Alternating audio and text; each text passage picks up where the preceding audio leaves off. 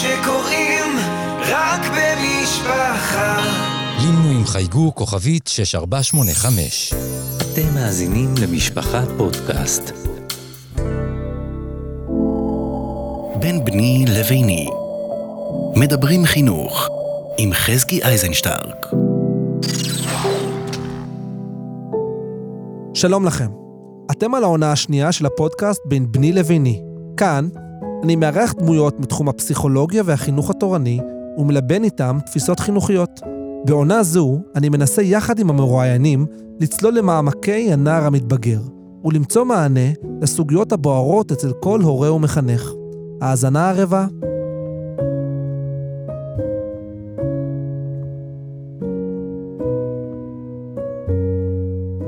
ציטוט: נדמה אבל שכל האוצר הבלום הזה נשאר תלוי גבוה אי שם מעל לראשנו. קיים נתק מוחלט בין מה שאנו שומעים למה שאנחנו מסוגלים לבצע. בין דמות האדם השלם כפי שהיא נשמעת בתיאוריה, לבין דמותנו המציאותית, בין העולם האידיאלי המתואר בסיפורים, לבין העולם שאנחנו בפועל חיים בו. נשמע מוגזם? הבה נבחן מספר דוגמאות. דוגמה ראשונה, התמדה. כולנו שומעים השכם והערב על הצורך להתמיד בלימוד התורה, על גודל החיוב לנצל כל רגע, ואנחנו כה רחוקים מזה. או הסתפקות במועט. אנחנו לומדים על הצורך לפרוש מאבלי העולם הזה, ושומעים סיפורים על גדולי הדורות שלא היו זקוקים לאוכל מלבד פרוסת לחם דקיקה טבולה בשמן. והיכן אנו? אנחנו נאבקים במקרה הטוב עם הרצון למנה נוספת של גלידה. ילדינו היקרים טובעים בים של ממתקים החל מהפקלה המסורתי של ליל שבת, וכלה בממתק של אבות ובנים. גם הבתים שלנו לא קרובים לדירת חדר שהיו לגדולי ישראל. למשל, התרחקות מקשר משפחתי. אין מי מאיתנו שלא שמע את הסיפור על הגאון מווילנה שנפגש עם אחותו לאחר עשרות שנות פרידה, ולאחר שדרש בשלומה נפנה וחזר לתלמודו. האם זה מציאותי לגבינו? ישנם כאלה שמנסים לחכות משהו מן המשהו מהסיפורים הללו, והתוצאות המרות אינן מאחרות לבוא. ניתן למצוא חלק מהאנשים הללו לאחר מספר שנים בחדרי המתנה ליועצים חינוכיים, לאחר שילדיהם מפתחים התנהגות שלילית כתוצאה מהנתק הרגשי בינם לבין ההורים. או חוסר הערכה עצמית. הנושא העמוק של גאווה וענווה מטושטש מאוד וגורם לקשיים רבים. מצד אחד הערכה עצמית היא דבר פסול לכאורה, כי זו גאווה, מצד שני המציאות מוכיחה שאין דבר המזיק לאדם יותר מחוסר הערכה עצמית. ספר זה בא לתת את המענה לתפקיד של האדם להכיר את עצמו, לסלול את דרכו האישית בעבודת השם, כפי מה שמותאם לו על פי כוחותיו, הנתונים שלו, אופיו ומצבו האישי. כאשר אנו שומעים על דרגות גבוהות, אין אנו אומרים לחכות זאת, ולהעתיק זאת מיד לעצמנו, כי לכל אדם תפקידו שלו וכוחותיו שלו. הסיפורים הגדולי ישראל אמורים לגרום לנו רק לרצות להגיע לדרגות גבוהות, ומכוח רצון זה להתאמץ, להתעלות במתינות ובנחת, לפי הנתונים שלנו. וכאשר נעשה זאת, אין ספק שיפתחו בפנינו שערי אורה. הציטוטים הקצת ארוכים שקראתי עכשיו, הם אחד מספרי המוסר המשפיעים ביותר שיצאו בדור האחרון. הם מתוך ספרו של הרב יעקב בוצ'קובסקי, ספר בהצלחת תנחני, שקיבל את הסכמתם של רב גרשן אדלשטיין, הרב דוב יפה, זכר צדיק וקדוש לברכה, והסכמות ועידודם של ראשי ישיבות, דיינים ורבני ערים. הספר הזה ושאר הספרים והשיעורים שבאו בעקבותיו, מאתרים את כל היכלי בתי המדרש של עולם הישיבות ונותנים שכל, מרגוע וחיזוק לבחורים רבים. שלום הרב בוצ'קובסקי, ותודה שהרב מתארח אצלנו. שלום וברכה, שמחה בשבילי. הרב כתב ספרים שהצליחו, כמו שאמרנו. לרב יש סדרות שיעורים בזום, אה, שנמכרות לגברים ונשים, הן עוסקות בחיבור לתפקידנו הרוחני, מהמקום המציאותי שלנו, בצורה פורצת דרך, תובנות שפחות נשמעים בדרך כלל, מושמעים אה, מפי הרב, וכאמור, הרב קיבל את הסכמתם של גדולי ישראל, וכן יש לרב תפוצה של מאמרים שבויים שיוצאים במייל. אני בהזדמנות זו מזמין אתכם, המאזינים, להירשם ולצמוח. אז הרב, היום אנחנו עוסקים בעולם של בחור הישיבה, אה, במתבגר. אני רוצה להבין מה הסיפור של בחור ישיבה או מתבגר צעיר חרדי. עם איזה רגשות הוא עלול להסתובב שיגרמו לו סיבוכים פנימיים, ומהן הרגשות והמחשבות הנכונות שכן כדאי שיסתובב איתן. אני רוצה להגיד משפט שאולי פחות מקובל להגיד, אני חושב, אני מכיר, רוב בחורי הישיבות שלנו, רוב מוחלט, מאוד מאוד מאוד רוצים להיות טובים. הם עובדים על זה, הם מתייגעים על זה, זה אכפת להם, הם דורשים לעצמם מאוד מאוד יפה, גם בחלק של תלמוד התורה, גם בחלק של מלחמת היצר. הם מאוד מאוד רוצים להיות טובים. יש לנו ברוך השם הצלחה מסחררת עם הנוער שלנו, לא, לא, אולי לא, לא מקובל להגיד, אבל אני חושב שזה משפט וואו. שמשקף את המציאות. הצלחה מסחררת. כן, עולם הישיבות זו הצלחה מסחררת. חד משמעית. מה כן? וכמו ששאלת, מה בעצם הנקודה שיכולה להפיל בחור ומפילה הרבה בחורים? הייתי קורא לזה הנתק שהוא מרגיש לפעמים בין העולם הש- האידיאלי של השאיפות שאליו הוא רוצה להגיע, שהוא היה רוצה להגיע, לבין, ה- או נגיד העולם שהוא שומע, האידיאל, האידיאלי שהוא שומע עליה כל הזמן, לבין המקום המציאותי שלו. הוא מרגיש את עצמו באיזשהו מקום, נקרא לזה דפוק, אה, דורך במקום, אה, חסר ערך וכולי וכולי, וזה גורם לו סוג של ניתוק פנימי. אז הוא מרגיש כאילו, בסדר, יש דיבורים על, יש דיבורים מאוד מאוד מאוד נכונים שהייתי רוצה לבצע וליישם.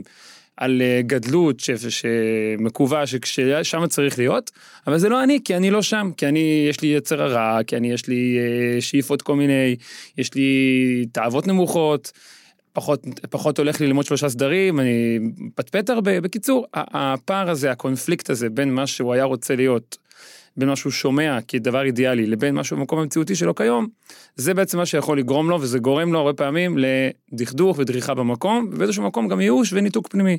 לא מתאים לי, אז לא. אז הוא מרגיש מנותק לחלוטין. כן. מה ההרגשות הפנימיות שכדאי לו לסחוב? הרב אמר שהוא הצלחה מסחררת. נראה לי שקודם כל שהוא ידע שהוא נמצא בעולם של הצלחה מסחררת, זה כבר אה, רגש נכון שאמור ללוות אותו. שידע שהקדוש ברוך הוא, התורה והמצוות, זה לא דבר שאמור להיות אה, מנותק ממנו, זה לא שהקדוש ברוך הוא לא מעוניין בחיים שלו כמות שהם, זה לא שהקדוש ברוך הוא לא אוהב את המקום המציאותי שלו כרגע. כל התורה והמצוות באים לדבר לבן אדם מהמקום שבו הוא נמצא, שתתרומם, תהיה מה שאתה, אבל יותר טוב. ואפשר, כשמתחברים בגישה כזאת, יש דרך, אפשר להגיע, ברוך השם בחורים יושבים לומדים, מקדישים לתורה הרבה שעות. כשאתה לומד בכזאת צורה, כשאתה לומד בכזאת גישה, כשאתה מתפלל, בכזאת גישה, כל המהלך החיים שלך הרבה הרבה יותר מרומם, אתה הרבה יותר מרגיש גם שמח, גם מרוצה, וגם רוצה להוסיף עוד. אז יגיד לך אה, בחור הישיבה, או היצר הרע של בחור הישיבה, הוא יישב תוך חמש דקות ויצטט לך ציטוטים מפחידים שאומרים חייבים לחיות בניתוק הזה, או, או לא יודע. אם לא תשאף להיות רמטכ"ל, לא תהיה חייל, נראה לי אין בחור ישיבה שלא גדל על המשפט הזה. אז אני צריך לנסות להיות כמה שיותר אה, גדול. אה, מי שלומד שעה אחת ולהפסיק שעה אחת הוא קיום התוהו, האפס והעדר, הרי זורע ושולח עליהם מים לסוחפן, זה חזון איש שבישיבות אוהבים לצטט. המשכח משנתו, אין לו חלק לעולם הבא, המפסיק משנתו, אין לו חלק לעולם הבא, משנה בעובס, או מאכילים אותו גחלי רתמים. כל מיני דברים שאומרים לו, אני צריך להיות ברמה של לימוד תורה כל כך כל כך גבוהים, שאחרת אחרת אני מקיים פה את התוהו והעדר. בוא נחדד את השאלה שלך, אתה בעצם, מה שאתה מציג זה לא שיש לנו איזשהו נתק אה, בין השיחות של משגיחים, תגיד, בסדר, דיברו לדור אחר, אני יודע מה, כל מיני משפטים כאלה, לבין מה שקורה היום. יש לנו בעצם, כאילו, כביכול, שאלה ממקורות של חז"ל, תורה, תורת נצח. כן, כן, הרי לא חושב שבית המשגיח ממציא דברים. חד משמעית, המשניות. בעובס זה משניות שנקבעו לדורות וזה משניות של זה דבר השם זה, זה אש בוערת אש שחורה גבי אש לבנה אנחנו לא הולכים חס ושלום להגיד שמשהו פה לא, לא מדויק אז מה כן. בעצם התשובה היא שהתורה אולי נציג את השאלה נחדד נרחיב את השאלה קצת יותר ברשותך. כן.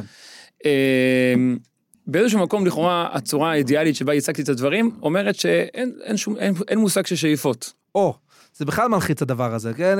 אין, אין, אין, אל תהיה מנותק, תהיה מי שאתה וזהו. גמרנו, אני אהיה מי שאני. וכל טוב סלע. איפה שאני ושם אני אשאר, וככה, אני אראה בהתאם.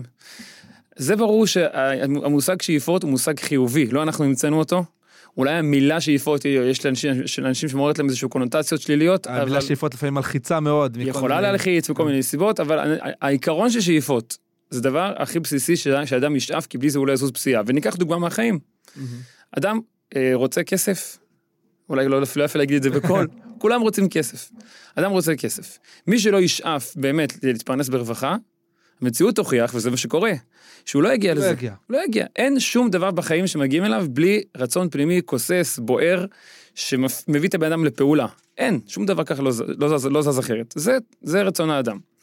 אז, אז, אז מה, מה כן? מצד שני, זה ברור לי שאדם שידבר כל הזמן על כסף, כסף, כסף, ויגיד יגיד לעצמו כל הזמן, כל יום בבוקר, איזה דפוק אני, שאני כל, כל כך, המ- המ- המאזן שלי בבנק כל כך נמוך, ומסביבי כולם כל כך טובים, ואפשר, ואפשר הרי להיות כל כך עשירים, ואני כל כך נמוך, ורק- מכלום. אז מה יצא מזה? אין ספק שהוא לא יעשה כלום. לא רק שהוא לא יעשה כלום, הוא פשוט לא יצא מהמיטה. כי בעצם אותו אדם לא שואף. זאת אומרת, אולי נגדיר את זה יותר נכון. שאיפה? הוא בעצם רוצה, הוא רוצה, לא נתווכח עם זה שהוא רוצה. ברור שהוא רוצה, המושג, בוחר ה- את זה כל אבל יום. מה? אבל המושג הבריא והנכון של שאיפה זה בעצם שאיפה שמביאה לפעולה. איזה שאיפה מביאה לפעולה?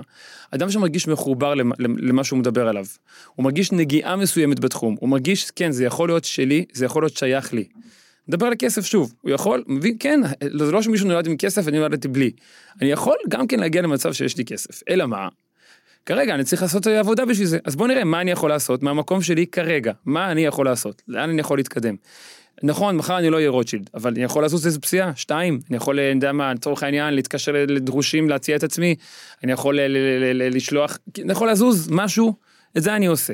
יש לי איזשהו יעד רחוק, יעד, חלום נקרא לו, של אליו אני רוצה להגיע, ש- מיליון, שתי מיליון שקל בבנק, אוקיי? זה המוס- גג המושגים שאני מכיר. כרגע.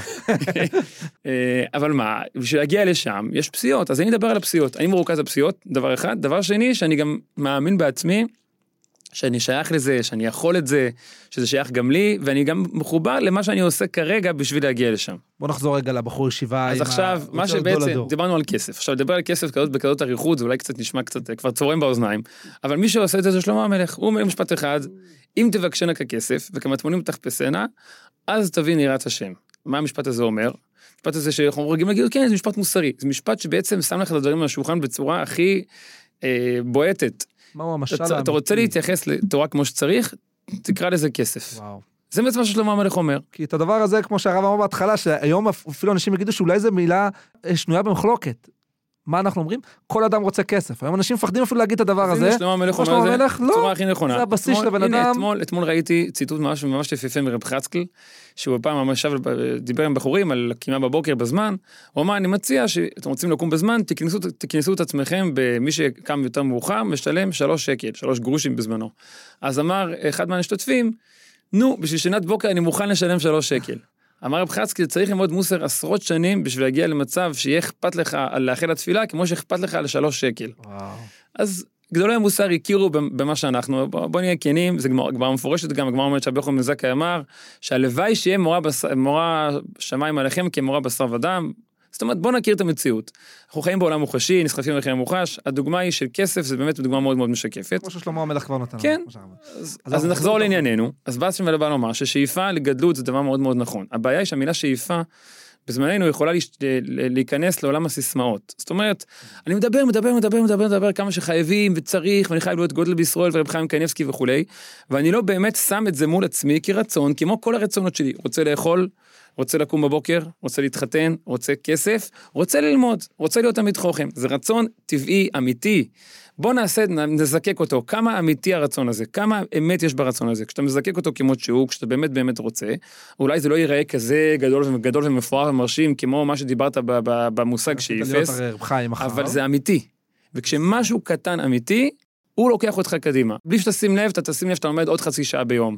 שאתה אתה משקיע פתאום ב- בלחזור על ש"ס, ב- על גמרות, על להיבחן בדירשו, או כל אחד מהמקום שבו תופס אותו, אתה תשים לב פתאום שאתה מתחיל להשקיע, כי זה אמיתי. אז לוותר על החלום להיות רב חיים קניאבסקי? ממש לא. יש, כמו שאמרתי מקודם, יש חלום כללי. יש חלום שאליו אני שואף. כל בחור ישיבה, לא רק בחור ישיבה, משום מה, משום מה מקובל שרק מדברים על בחורים. אין, התורה לא שייכת רק לבחורים, התורה שייכת לכולנו, וכל אחד צריך לשאוף למקסימום שאפשר להגיע. אני פעם היה לי דיון עם מישהו שכתב ספר והביא לי קצת לה, לה, לה, לה, להגיע לזה, היה כתוב שם שכל אדם צריך לשים מול עיניו את החלום ללמוד ש"ס. אמרתי לו, זה לא נכון, ללמוד ש"ס כולנו לומדים, תכתוב לדעת ש"ס. נשמע מופקע? בוא ננסה, בוא ננסה. הרבה אנשים חשבו שזה מופקע וראו שהם מצליחים, דברים זה לא, זה לא כזה גדול כמו שחושבים. בקיצור, אני אומר, שאיפה זה דבר חיוני, קריטי. אז זה שיש אנשים גדולים, אפשר להסתכל עליהם ולהגיד, אני יכול... דוגמה, לא יודע, אני אהיה הדבר הזה." בדיוק כמוהו, חצי ממנו, או לא, הוא לא, לא חצי ולא כמוהו, מה שאני, אבל בגדול, אבל אני רואה יכול פה להיות גדול. יכולות בעולם שאני יכול להשיג אותם, פעם ראשונה אני רואה בן אדם שהשיג יכולות מאוד גבוהות. ואני יכול להיות גדול ואני גם. יכול להגיע אני יכול להיות גדול, גדול גדול ממש. ולרצות להיות איך- דומה לו ולהתחיל... איך? בוא נתחיל. במקום שבו אני מחובר באמת. עוד חצי שעה, עוד דף, עוד סעיף משנה ברור, באמת משהו שאתה מחובר ואוהב לעשות. זה מה זה שמזיז את הבן אדם. מסגור אה, בטוח ובריא למילה שאיפות, סליחה שאני נותן פה אה, מחמאה למילה, אבל אני אומר, זה מסגור שנותן לבחור להבין מה אני עושה פה, מה זה שאיפות. כי מה, כי בלי זה, אז מה זה נשמע עוד דיבורים, עוד דיבורים, ועוד המשגיח אמר, ועוד אבא שלי אמר, ועוד כתוב בספרי מוסר, אבל איפה אתה? אני תמיד כשמדבר עם בן אדם בלימוד, עם בחורים בלימוד, אני שואל, תגיד, אבל מה אתה אומר? זה לא משנה מה אומר רב חיים, מה אומר רב גרשטיין, מה, מה אתה אומר, זאת השאלה.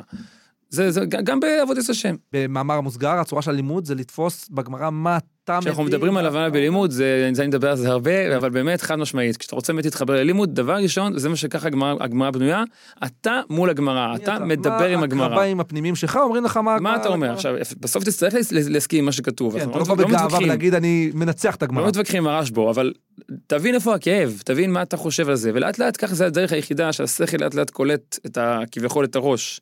כי אתה, התנכל לראש כי של אתה באמת, של הגמרא. אתה מאמת את עצמך, אתה לא שם את עצמך בצד, אבל זה באמת בסוגריים, זה... כן. אז, אז הפוך, אז הרב אומר, זה לא פוגם בשאיפס, ואתה יכול להמשיך להישאר בתוך רב חיים. אז איך אני כן אה, מתמודד עם האמירות? איך אני יודע לזקק איזה אמירה של חז"ל מדברת אליי הרגע, או שתמיד צריך להחזיק מול העיניים את הנקודה הזאת, מה רלוונטי באמת אליי היום? בוא נגיד ככה, אין שום אמירה של חז"ל שהיא לא רלוונטית, כן? ברור. כל האמירות של חז"ל אמיתיות ונוקבות ודורשות. אין, אין שום אמירה שאני אומר כרגע אני שם את זה בצד, רק מה כן? יש דרך, יש דרך שצריך לעבור. פעם שמעתי מרבי יהושע אייכנשטיין משפט מדהים, הוא כתב לי את זה גם הסכמה לספר. הוא התקשר אליי אחרי שספר ראשון יצא לאור, אמר לי שכל בחור ישיבה צריך לקרוא את הספר, זה היה פחות או יותר המשפט, ואז ככה דיברנו קצת באריכות על מה, מה בעצם, מה, מה הוא אומר.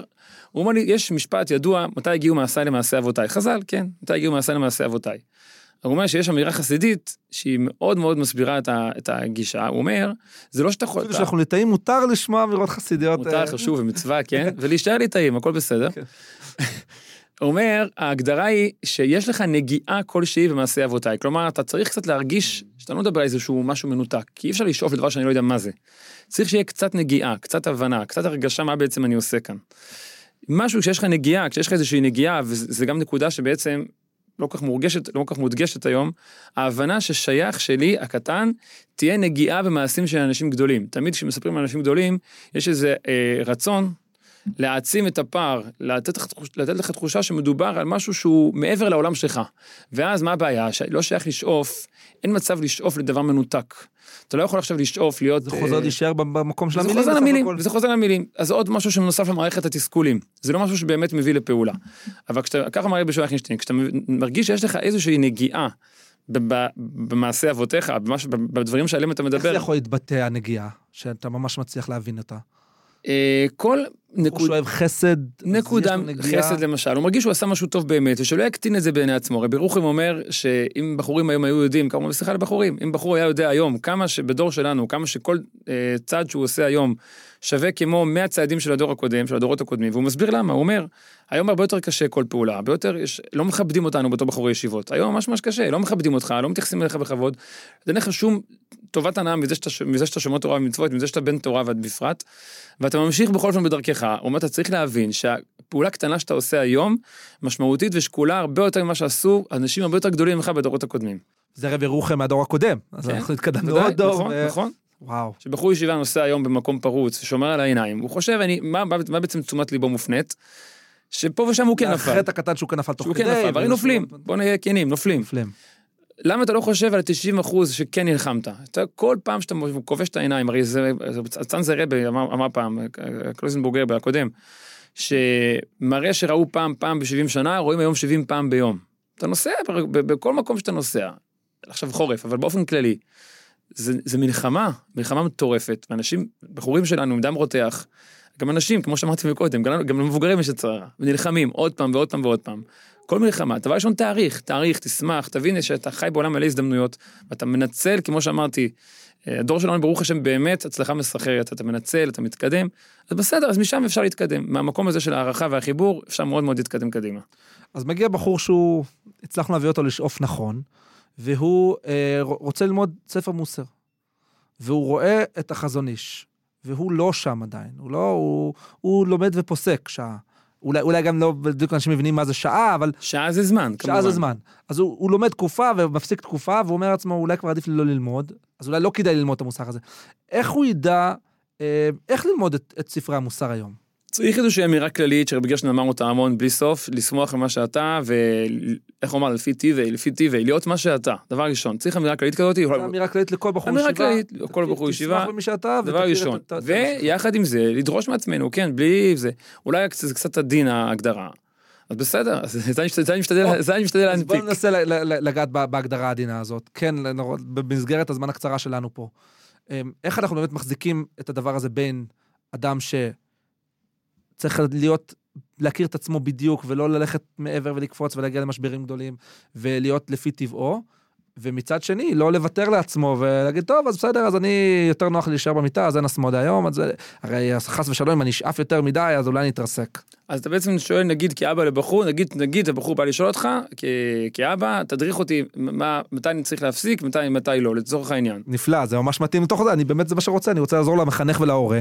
איך אני, איך אני עוזר לבחור למצוא את הדבר זה הזה? מעשים שבכל יום, מגיע לך בחור ושואל, הבן שלך, לצורך העניין, אם אתה מספיק... לא, הבן שלך מספיק מגיע, אני לא יודע, הרב מגיע כן. באופטימיות. לא, ברוך השם. מה, בחורים רוצים אה, לשמוע את אה, דבר ה- אבא שלהם? אולי ניגש לזה עוד מעט, זה. ניגש לזה עוד מעט. אוקיי, אז נגיד מגיע לך הבן שלך ושואל, אבא, היום אין לי כוח ללכת לישיבה, אה, נגמר לי, אה, כבר אין אוויר, אולי זה סתם עצלות, ואולי לא. זאת השאלה בעצם. זאת השאלה.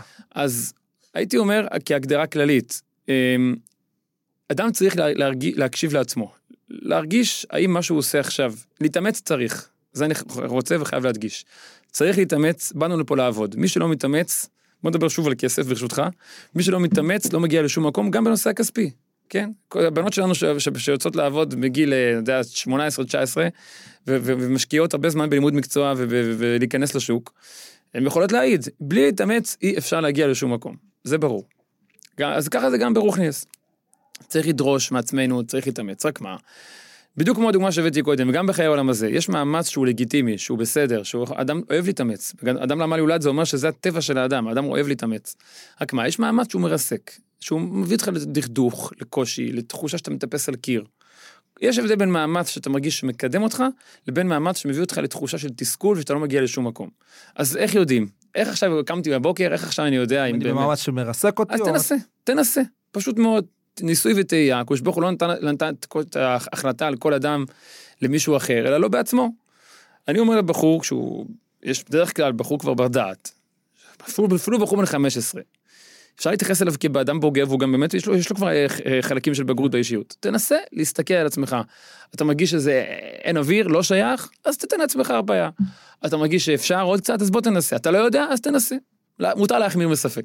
תנסה, מקסימום תפסיק. הלכתי לישיבה כדי להתגבר על העצלות. אוקיי. כמובן שהיה לי חוויה מאוד נעימה מהדבר הזה. השלב האם לא דחפתי את עצמי יותר מדי. מה קרה אם דחפת אותך יותר מדי? מי מת? קרה משהו? לא קרה כלום. אז בסדר, זה לא היה לך זור, לא חתכת אצבע. והפוך, החלטתי שאני היום לא הולך לישיבה. יכול להיות שטעית ויכול להיות שצדקת, אז תראה איך אתה מרגיש. אולי תנסה בכל אופן להתאמץ יותר. בגדול, יש, יש הגדרה במסיס השורים שהוא כותב המלאכת הפרישות. הוא כותב, שם סתם זה משפט שצריך לדעת. אגב, באמת בסוגריים, מסיס השורים זה גם ספר שצריך ללמוד באותה גישה בדיוק. שמה? לדבר, שהוא מדבר אליך, לא לקרוא אותו כאוסף להתענג משפטים. על השם, באיזה התענגות, מה זה המילה להתענג, מה זה כן, השם, ולשם נכון, וככה. נכון, לקרוא אותו בעברית מדוברת. באמת הוא כתב את זה ממש בשבילך בשבילך האישי, הבחור. לדבר איתו. אז אתה, בכל אופן, יש שם משפט שהוא כותב לגבי השאלה הזאת, איך אדם יכול לדעת האם הוא צריך לפרוש, מלאכת הפרישות, מה שהוא קורא לזה, האם הוא צריך לפרוש מהעולם הזה, או לקבל אותו, כאילו ליהנות ממנו. אז הוא אומר, כותב שם מהכותרת, וזה כלל גדול מנוסה במלאכת הפרישות, שכל כולה צריכה בדיקה. כל כולה צריכה בדיקה. כי האדם אוהב להתעצל, אז הוא אומר, צריך לבדוק. לבדוק מחדש. הוא אומר, אבל אם אחרי, וזה משפט שאנשים אנשים כבר לא, לא חושבים, אם אחרי חקירה ודרישה, תראה שאת, שהיא נצרכת, אז זה סימן תצדק שהיא טובה, זה סימן שזה טוב. אם אתה אחרי חקירה, זה לא רק בזה, זה בכל דבר. רוצים לקנות איזשהו רהיט חדש לבית. אולי זה עכשיו אני סתם באמת, זה מטריד אנשים, אבל יש, יש אנשים שזה מטריד אותם. ש... אולי אני סתם עכשיו נהיה עוד, יותר עולה מצדיק. מצד שני, לא, אני צריך את זה בשביל הרגשה טובה. אז הוא אומר, תחשוב פעם, פעמיים, שלוש. אם הגעת למסקנה שבלי הספה הזאת באמת מעצבן אותך הסלון, לא צריך להגיע ממש מעצבן, אלא לא חסר לך משהו, לא טוב לך לא. וזה, אז בסדר, זה, זה החיים, זה חלק מהחיים, זה, זה... וזה לא המקום לייסר את עצמך שאתה מחובר לעולמה זה שדבר כזה אה, חסר לך. לא, לא, כי כמו שאמרתי מקודם, דרך התקדמות זה לא ייסורים ש, ש, שאני לא אוחז בהם, לא אלא, אלא הזה. באמת להתחבר ל, ל, ל, לאן אני רוצה להגיע באמת. משם, משם להתקדם. אז אני רוצה רגע בהערה, הרב אמר שהרב יחזור על זה, וזה זה מרתק אותי. בחור ישיבה היה רוצה להתייעץ עם אביו על, על, על חייו, זו תקופה שגם בפסיכולוגיה אומרים, הוא מזהה את העצמאות שלו, הוא רוצה להתרחק אולי. שאלה מאוד יפה. אמ, בוא נגיד ככה, בטבע הקדוש ברוך הוא הטביע אהבה עזה בין אבא לבן וגם בין בן לאבא וזה לא זה לא מפסיק להיות תקף בגיל 13 זה עובד וזה קיים ואפשר לראות שאחרי שעוברים את הסערות של גיל ההתבגרות אז בהחלט אה, חוזרים לזה זאת אומרת שזה קיים בנפש בן רוצה אבא ממש, לא יודע, כמו, כמו שאבא רוצה בן, בכל אופן יש איזשהו פער בין המערכת היחסים, הגמרא כבר מדברת על זה, אבל זה קיים, בתורה כתוב, בפרשת מסית ומדיח, כתוב, או רעך אשר כנפשך, ככה לשון, לשון הפסוק, בפרשת ראה, או רעך אשר כנפשך, כי יסתך אחיך בן אמך, או בנך, או בתך, או אשת חלקך, או רעך אשר כנפשך, זה הביטוי. אומרת הגמרא, הרש מביא את זה, מה זה רעך? אשר כנפשך? אביך. אביך. אבא זה חבר, אבא זה חבר שהקדוש ברוך הוא ברא, כל אחד יכול להסתכל על עצמו ולראות שהאהבה לאבא, לא, לאימא כמובן, היא אהבה מאוד, ממש ממש נוכח- נוכ- נוכחת ועוצמתית. רק מה, מה מפריע? מה שמפריע זה תחושה של רצון עז, כמו שהגדרת קודם, להגדיר עצמאות חדשה. זאת אומרת, ילד במהותו הוא סמוך על שולחן הוריו, ככה מבואה בגמרא, כן. סמוך על שולחן הוריו, זה רואים בגמרא כל הזמן, זה הגדרה של קטן. עד שהוא נהיה... אז מה קורה כשהוא גדל? מה, ש, מה שקורה כשהוא גדל זה כמו שאנחנו רואים שהגוף שלו מתפתח, גם הנפש מתפתחת. הוא נהיה, רואים, צומח מול עיניך בן אדם, אתה לא, יכול- לא יכול להחזיק אותו על הידיים. למה? כי זה כבר מישהו נפרד. מתפתחת כאן נפרדות, נוכחות בפני עצמה. וזה נוכחות שצריכה לבוא לידי ביטוי, הוא חייב להרגיש את עצמו אדם לעצמו, כי זה, זה ההו- ההוויה שלו, זה החוויה של החיים שלו. ולכן, אם יש מצב שהקשר בין, בינו לבין האבא קצת לוחץ עליו, נותן לו תחושה שלקחו לו, לוקחים לו את העצמאות, לוקחים לו, אין, אין אמון בו, אה, לא מכבדים אותו, לא מבינים שהוא אדם לעצמו, אז הוא מנסה לשמור מרחק, לא בגלל שהוא שונא, לא בגלל שהוא כועס, בגלל שהוא רוצה להיות הוא. זה מה שהוא צריך. הזאת לייצר את הנפרדות. אז אם לאבא יש את השכל, אז בעצם אפשר להמשיך את הקשר, הכל טוב ויפה, ולתת לו את המקום שלו. יותר אמון, יותר הבנה שהוא שונה ממך. קשה לנו באמת, זה כהורים, זה אני לא אומר שזה דבר קל, מאוד קשה, תמיד, אני, אני תמיד אוהב את אלה שהם נותנים להורים את כל הביקורת, אתם לא בסדר. תחשבו, באמת, אנחנו בני אדם, וזה בסדר, אבל כן, כן חשוב לדעת ולעבוד על זה, לתת לבחור את ה... להכיל אותו כמות שהוא, להבין את ה... שהוא אדם לעצמו, שיש לו צרכים אחרים, שיש לו תפיסת עולם שונה ממך, ועם כל זה להבין שאתה כן בעמדת המשפיע ואתה... אה, אני בעמדת המשפיע, לא משחרר אותו משמעית. לגמרי, די, בחור, אני אתן לו את הצרכים שלו שיתקדם לבד. אז זהו, היום יש תמיד את ה... יש את ה... תמיד זה הולך, הולך במהלך של אה, זיגזג, של קופצים תמיד לקיצוניות אחת לקיצוניות כן. השנייה, אז היום ההטפה בערך ב-20-30 שנה האחרונות, זה רק תן לו, תן לו, תן לו שחרר משהו, אותו ורק תכיל. תכיל אותו. המשפט שהכי אני אוהב, זה ש- זה ההפחדה, אם לא תעשה ככה הוא יכול לנשור, כן, לא אומרים את זה במילים האלה, אבל זה כל הזמן זה הסאבטקסט, האיומים כל הזמן לכל הורה, דע לך, אם אתה לא תכיל, הילד שלך ינשור. אז זה טעות שמאוד מאוד מכעיסה אותי, גם בגלל שזה לא נכון. הילדים שלנו הרבה יותר טובים ממה שאנחנו חושבים. כמו שהזכרתי קודם, הם רוצים להיות יהודים טובים, חד משמעית. זה גם, זה גם הנקודה, וגם הנקודה של ההפחדה היא לא נכונה והיא לא, לא קשורה למציאות, בגלל שבאמת הילד רוצה אותך, הבן שלך רוצה אותך והוא רוצה הדרכה. הוא בחור צעיר, הוא, הוא סוער בגיל הנעורים, אתה אדם יציב, בוגר, אתה אבא שלו, כן? אבא זה טבעי, זה מובנה, הקדוש ברוך הוא ברא את זה בנפש, אתה אבא ילד שלו. בן חמש רוצה- רוצה הדרכה מאבא. כן, רק הוא לא רוצה שאבא ייקח לו את המקום העצמאי, זה ההגדרה העדינה, ולכן אני אומר, צריך איכשהו לשלב בין הדברים, ומותר גם לעשות טעויות, לא קורה שום דבר.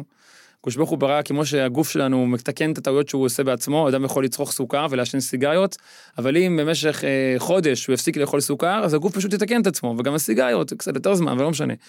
הקדוש ברוך הוא ברא בנו מערכת טבעית שמבריאה את עצמה, זה פילי הבריאה, אז גם בנפש, אולי בנפש זה קצת יותר קשה, לוקח קצת יותר זמן, אבל זה בסדר. הקדוש ברוך הוא ברא מערכת שמבריאה את עצמה. מותר לטעות. מותר לטעות, לא קורה שום דבר. אבל כן, צריך לעבוד על עצמנו, באנו לעבוד. אז צריך לעבוד, לא לקחת לו את העצמאות, לתת לו את הכבוד, מאוד חשוב הכבוד בגיל הזה, לתת לו את המקום שלו, להבין שהוא, העיקר להבין שהוא יכול להיות שונה ממך וזה בסדר גמור, ועם כל זה, לעמוד על מה שחשוב לך. להסביר מה נכון בעיניך, מה אתה חושב שצריך לעשות. יש מצבים שצריך גם לבוא בדרישה חד משמעית, אתה, אתה מוביל, אפשר להגיד דרישה חד משמעית. אפשר, אתה בעל הבית, אתה בעל הדעה, אתה האבא, זכותך לדרוש, זה עדין מאוד, אני לא אומר, לא תמיד אפשר, זה תמיד השאלה, אם אני דורש, אז, אז לא נתתי לו את המקום. אני חושב שיש מספיק שכל בשביל להרגיש איפה זה קצת עובר את הגבול ואיפה זה בסדר. אז מה- מה הכללים שלי כהורה, שאני יכול להגיד, זה מותר לי לדרוש? מה אני צריך, לפני שאני בא לדרוש או להדריך את, את, את הילד שלי, מה הדברים שכדאי שאני אדע, שאני אדע להיות מוכן שאני עושה את זה נכון ואני לא רוכב לו על העצמאות שלו ומקטין את הפיתוח האישי שלו. אולי נחלק את השאלה לשניים, יש פה שאלה אה, מה חשוב, מה בעצם, על מה, מה צריך לדרוש ומה לא, ויש פה את השאלה איך לדרוש, אחרי שהגעתי למסקנה שמשהו מסוים הוא חשוב, איך אני דורש אותו בצורה נכונה. אז בואו בוא נתמקד קודם כל על השאלה הראשונה, מה חשוב. מה חשוב ומה לא. אני אגיד לך תשובה אה, שאולי תשמע לך מוזרה, אבל אני חושב שזה אבן היסוד. אתה הוא זה שמחליט מה חשוב. ואני אסביר את עצמי מה אני מתכוון. בא אליי אה, לפני שבועיים זה היה, לא זוכר, פגשתי מישהו ככה, יוצאים ביחד מאיזשהו בר מצווה, בדרך הביתה, הוא שואל אותי, הבן שלי בן ה-11, לא בא לתפילות בשבת לאחרונה. ואני תמיד הוא היה בא, ותמיד הקפדתי על זה. ואני מאוד מפחד להגיד לו משהו, כמובן, אה, הפחידו אותו. כן, הפחידו אותו. מה אני צריך לעשות? אמרתי לו, תקשיב, זה לא משנה מה אני חושב על תפילה בציבור בשבת בגיל 11. לרב בוצ'קובסקי יש את מה שהוא תופס על אה, גיל 11. נגיד, אבל אתה כהורה, הקדוש ברוך הוא נתן אותו לך ולא לי. ואם לך זה חשוב, ואתה חושב שזה דבר חשוב, ואתה לא, לא חשוב לך בגלל שהשכנים מסתכלים, או בשביל להיראות טוב, חשוב לך באמת כלפי שמיא, אתה מבין שזה דבר חשוב. אז הקדוש ברוך הוא רוצה ממך שתחנך אותו לפי התובנות שלך. 70 פנים לתורה, יש גם 70 פנים לחינוך. אם בעיניך זאת התורה, וככה אתה צריך לחשוב, זכותך גם לדרוש את זה, חד משמעית. וברגע שאת, שאתה בא בשם הקדוש ברוך הוא, בשם האמת, כי אתה מרגיש שאתה עושה כאן משהו נכון, ואתה דורש משהו נכון, אין לך שום סיבה לחשוב שהילד שלך לא יקבל את זה. וואו, אז קודם כל, זאת אומרת, אנחנו מיד חייבים להבין מה זה איך, באמת את השאלה הבאה של האיך, אבל הרב אומר, תכיר את עצ... תהיה באמת בעצמך מה שחשוב לך, באמת שלך לא כי, כי זה מילים, כל מיני דברים כן, אחרים. שדיברנו קודם, אמיתי זה חשוב לך, הנקודה הזאת, יש סיבה שלמה חשובה לך, מותר לך לדרוש אותה, להדריך אותה, לנהל אותה בתוך הבית. לא רק שמותר, ילד יקבל את זה בשמחה, כי הוא מרגיש שאבא אומר לו משהו באמת חשוב. זה תפיסת עולמו, והוא מקבל את זה, כי אמרו אמרו לו, אמרו לו כאן דבר חשוב. אז עכשיו השאלה הגדולה, איך? אז איך אני, איך אני מצליח עם הדבר הזה, נניח אותו אבא, שחשוב לו שהאבא שלו, יבוא יותר לתפילה, הוא הבין שזה לא נכון לו לוותר על הערך המאוד חשוב הפנימי הזה שלו, איך הוא מצליח להביא את הילד שלו בצורה שעדיין שומרת על הכבוד שלו ונותנת לו את המקום שלו, של הבחירה אצלו. אז זה מאוד משנה הגיל, בפירוש משנה הגיל, בגיל יותר קטן. בוא נדבר על המתבגר באמת, נעזוב את הסיפור הספציפי כן, הזה. מתבגר זה גם כן טווח מאוד רחב של גילאים, ויש גם רגישויות שונות, יש גם רמות רגישויות שונות אצל, איזה- אצל בחור על הכבוד שלו. בגדול אני חושב שה... עקרונות, מה צריך חשוב שיש. הדבר הראשון, האמירה צריכה להיות מאוד מאוד ברורה. דע לך יקירי, בשיחה בוגרת, נעימה, זה דבר חשוב, זה דבר שחייבים לעשות, זה רצון השם, זאת התורה. זה לא משנה כרגע, אם אתה דורש זמן קריאת שמע, אז באמת זה חד משמעי. זמן קריאת שמע זה מצווה ססה, מה, אין אין לבטל מצווה ססה, יש הורים שגם בזה מפחדים לדבר. יש מצוות עשה, אנחנו יהודים, יש פשוטה, תורה, אנחנו נגמר. לא מסתירים אותה. כן, לא מפס- לא כן. מסתירים שום מצווה. זאת התורה. עכשיו, כמובן שצריך שאבא עצמו יראה בזמן קריאת שמע בלוק. אם אבא עצמו לא באמת חי את, ה... את רצון השם כמו בלוק, אז יהיה לו קשה להעביר לילד שלו שזה בלוק. כי אבא יגיע, הבן יגיד לו, אוקיי, הוא לא יגיד, אבל הוא ירגיש, מה אתה... אז עוד פעם זה דיבורים. אז האבא חי את הבלוק הזה ומה- ואומר את זה לבן שלו. עכשיו, אחרי שזה נאמר בשיחה, והילד יודע בדיוק מה, מה, מה נכון ומה לא, אז קודם כל בוא נאמין שבאמת יש לו מעצמו רצון באמת לקום בזמן. לקריאת שמע בכל אופן, כדוגמה, לצורך העניין. ואם עדיין זה קשה לו, אז פה יש מקום לשקול עד כמה להתערב, עד כמה... או. לא להשפיל, לא להשפיל, לא לקחת את הכבוד, לא לשדר חוסר אמון. ובפירוש צריך להבין ולתת אמון, כי מש... ברגע שאתה נותן אמון בבן אדם, אז אתה נותן לו, אתה מעצים אותו, אתה נותן לו את הכוח לבצע את זה בעצמו. בסופו של דבר צריך להעמיד מול העיניים את המטרה. מה המטרה? המטרה היא לא שאני אנהל אותו כל החיים, המטרה היא שהוא יהיה אדם שבוחר את הבחירות שלו בצורה נכונה. זה בעצם המטרה, ולשם אנחנו מחנכים גם בגיל הזה של המתבגר, שהוא עדיין בגבול של בין אדם בוגר לאדם שנמצא תחת רשותנו, אנחנו, מה שאנחנו מנסים בעצם לעשות, זה לחזק לו את כוח הבחירה. לחזק את כוח הבחירה אפשר על ידי שאני מאמין בו, ואני באמת מאמין, לא שאני מאמין כי אמרו לי שצריך להאמין. באמת אפשר להאמין. באמת נער, הוא באמת רוצה לעשות טוב, באמת הוא אני רוצה. שהוא יכול, וכש... ולמה? ולפעמים זה קשה לו, ולפעמים זה. אז יש מקום להורה אה, גם להתערב פה ושם. אני לא אומר שצריך רק לעמוד רק, מרחוק. רק להגיד את האמון ול, ולא להשפיל, יש אלא כן מקום אפשר להגיד, להתערב, אבל בלי השפלה. דיברנו שזה. חשוב הדבר ואני הזה. מצפה לראות שאתה עושה את זה. זה חשוב, וזה, וזה, זה כואב לי בעיניים לראות שאתה לא עושה את זה, אתה נמצא אצלנו בבית, אתה בן שלי, יש לי אחריות עליך. זה מעשה שלא עושים. זה- להחזיק מאחורו כל הזמן, להשפיל, לעולם לא להגיע למצב כזה, לתת צורה של חוסר אמון בנער, לעולם לא להגיע למקום כזה. באמת להאמין שהוא טוב, זה הנקודה, באמת להאמין שהוא טוב. ו- ו- ושאלה, ואם זה גורם לתוך מריבה, אם זה יביא מריבה, אז מריבה, זה אומר שבאמת, איך אומרים, קצת, או שעשינו את זה לא נכון, או שעברנו את הגבול שבאמת נכנסנו לעולם- הרגיש שלו, כמו שאמרתי, לכל אחד יש את הרגישות שלו, ו... אז באמת, אה, צריך לדעת, להסתכל בצורה מאוזנת, אני לא... אז חד משמעית, כשיש לך אמירה רוחנית או ערכית שלך, היא יכולה להיאמר לכל ילד, בכל גיל, בכל שלב. זאת האמירה שלי, אני לא מסתתר מאחוריה. אחר כך, השלבים, איך אתה תפעיל אותה בתוך הבית, נדגיש, אני לא צריך אישור לכל אמירה רוחנית, לרוץ ולבדוק בספרים של, אה, שיצאו לאחרונה, אם זה עובר מותר את להגיד ה... את הילד הזה, את, הזה. 2024, שאפשר לדבר על זה עם הילד היום. מה שאתה מאמין שהוא נכון, הילד שלך רוצה לשמוע ממך. נפלא. ואז כל צורה של להפעיל אותו בתוך הדבר הזה, זה גם תלוי גיל ותלוי הצורה. זה- כן, זה צריך עדינות. צריך תמיד לשמור על עקרונות כן. בסיסיים של חס ושלום לא להגיע למקומות של השפלה, חס ושלום לא להגיע למקומות שהילד ירגיש מזה חוסר אמון. שוב, כמו שאמרנו, טעויות קורות ויקרו, וזה גם בסדר, אבל, אבל בהבנה, אם אתה רוצה באמת לקדם את הילד, היא לא יכולה להיות בצורה הזאת. היה לי פעם סיפור למשל, בא אליי מישהו התייעץ, יש לו בחור בן, אה, לא זוכר, 17 אולי, והוא מתחיל, הוא נעלם לו בלילות. בחור, בחור ישיבה דווקא שטגניסט, הכל. נעלם לו בלילות, הוא חוזר בשעה מאוד מאוד מאוחרת, ויש לו חשד סביר להניח שהוא רואה סרטים עם חברים. כן? מה, מה אני אמור לעשות עכשיו? נכנס לפאניקה. אני חושב שצריך, כמובן, פה זה מאוד עדין, צריך לשמור על הכבוד של הילד, לא, לא, לא, לא להגיד לו תפסתי אותך על חם ובוא בוא לבית משפט. כן. אבל כן, ואתה פיקורס ואתה השם ירחם מה יקרה איתך. בפירוש לשבת איתו לשיחה רצינית, להגיד לו, תקשיב, יקירי, יש לי יצר הרע בגיל הזה, ואני יודע שיש היום סרטים. יש לי חשש שאתה נסחף, וגם אם זה קרה, אני לא יודע אם זה נכון או לא, אתה תבחר אם לספר לי או לא. גם אם זה קרה, אני לא, לא חושב שקרה משהו דרמטי. נופלים, נופלים ומתקנים. אבל תדע לך שלראות סרט זה לא טוב, ולמה? פעם שאלתי אמא, מה הבעיה של הילד שלך יש אייפון? בוא נשמע, מה הבעיה שלך שלילד שלך יש אייפון? הרב לי, לא חס שלא בא להגיד שהאייפון זה בסדר. אז מה כן? אני לא הייתי אומר, לא מגדולי הלוחמים, ואני חושב שהדבר הזה באמת יכול להחריב בין אחד הנזקים הגדולים. אבל אני שואל אותה, מה הבעיה שלך שלילד שלך יש אייפון? היא אומרת לי, לא יודעת, ככה הרבנים אומרים. אמרתי לה, אם זה מה שיש לך להגיד לילד, אז את יכולה להגיד לו את זה ככה. רק את לחשוב לשאול אם זה ישכנע אותו או לא. מה שהוא ישמע ממך, זה שיש כאן משהו שהרבנים לא מרוצים. יכול להיות שזה ישכנע אותו, יכול להיות שלא, אני מאמין שקצת פחות. וזכותך, אם זה מה שיש... עכשיו, אם את רוצה באמת לשכנע, או אני חוזר לאותו הורה, תסביר בבקשה לעצמך דבר ראשון, מה רע בסרטים. ואני יכול להגיד לך רשימה כזאת, מה רע בסרטים. ולא בגלל שגדולי ישראל אמרו, כי זה לא מספיק, זה זה זה ערך. זה ערך. לא, זה ערך אדיר. אבל לא זה זה, לא יכול הסיבה. זה לא הערך כאן, יש, יש, גדולי ישראל גם אמרו למשל לצורך העניין להצביע ג' או ש"ס, כן? עכשיו אני שואל אותך שאלה, האם אתה רוצה שהמרחק שיהיה לילד שלך מסמארטפון, זה אותו תחושת, תחושת מחויבות שתהיה לו להצביע ג'? אני חושב שלא כדאי, כן? או לצורך העניין, גדולי ישראל גם אמרו ללכת כובע חליפה ברחוב. אני מביא דוגמאות שאתה יכול להתווכח, כן אמרו, לא אמרו. אני בא להגיד על הרעיון, ברור שכשאנחנו מדברים על ערכים, זה לא, לא נכון להכניס את כל הערכים תחת אותו שר אחד, כי אתה בעצמך רוצה שזה לא, שזה לא זה מה שיהיה, שיהיה. משהו, משהו מעבר.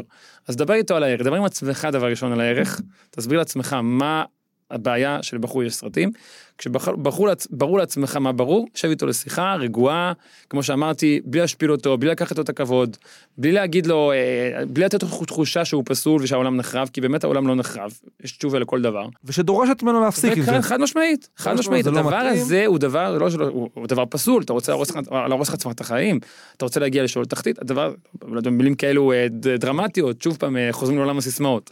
להסביר יעיל ולהסביר אמיתי, ולתת לבן אדם את התחושה שאתה, בוא נאמר, יכול להבין שנופלים, אבל אסור ליפול. מקסים הרב, אז יישר כוח, אה, דברים ממש אה, מחזקים, חזקים, עוצמתיים, חלק אה, דברים, למרות שהם דברים פשוטים, הם דברים יכולים לחשב כחדשניים, אולי פחות מדברים עליהם במקומות. אני רוצה לסיום לשאול שאלה, בכלל, כאמירה עכשיו שאבא יכול לקחת פרקטית לבית. אבא, מחנך, מה אדם שמסתובב עם, בח... עם נער מתבגר אצלו, בבית, בישיבה, אברך שמת... מת... שעובד עם בחורים, מה כדאי שהוא ידע למול עיניו על, על הדבר הזה? אה, אני יכול להגיד הרבה דברים, אני יכול להגיד, תהיה חבר של הבן שלך, אבל זה לא נכון, כי הוא לא מחפש רק חברים, חברים יש לו מספיק בישיבה. אני יכול מחפש את להגיד, המדריכים. יפה. אז הייתי אומר משפט, משפט עוצמתי של הרשע ריש, ממש בשנים האחרונות התחיל קצת להתפרסם, אבל אני חושב שהוא משפט שחייבים לשים מול העיניים. הוא כותב באחד מהקדשות הספרים שלו, הוא כותב הקדשה להוריו, הוא כותב להוריי, אני מקווה שאני מצטט נכון, אה, מחנכיי או מוריי בשומריי בילדותי, אה, מדריכיי בנערותי, ידידיי בבגרותי. אני חושב שזה המשפט מדריך. בעצם אנחנו מדברים על גיל הנעורים, תזכור שאתה מדריך. מקום של מדריך זה מקום של חבר מצד אחד, מדריך הוא חבר. מדריך הוא לא מישהו שאומר מה לעשות, הוא חבר. הוא מגיע ממקום ידידותי. מצד שני, הוא מדריך, הוא יודע את מקומו, הוא יודע את המעמד שלו, והוא מבין שחייבים לשמוע בקולו, זה גם מאוד חשוב.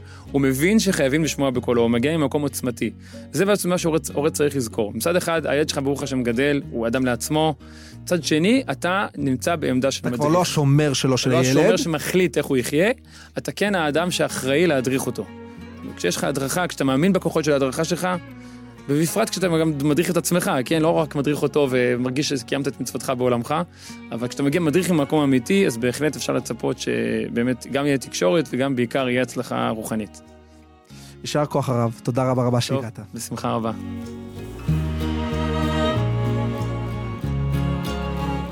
האזנתם לפרק בעונת גיל ההתבגרות, העונה השנייה בסדרה בין בני לביני מבית משפחה פודקאסט. אני חזקי אייזנשטרק. תודה לעורכת תהילה סיטון, למפיקה אלה גולדשטיין ולעורך הסאונד פנחס כהן. אפשר להאזין לפרקים נוספים בכל אפליקציות הפודקאסטים, באתר משפחה ובקו הטלפון 02 652 3820 שלוחה 39.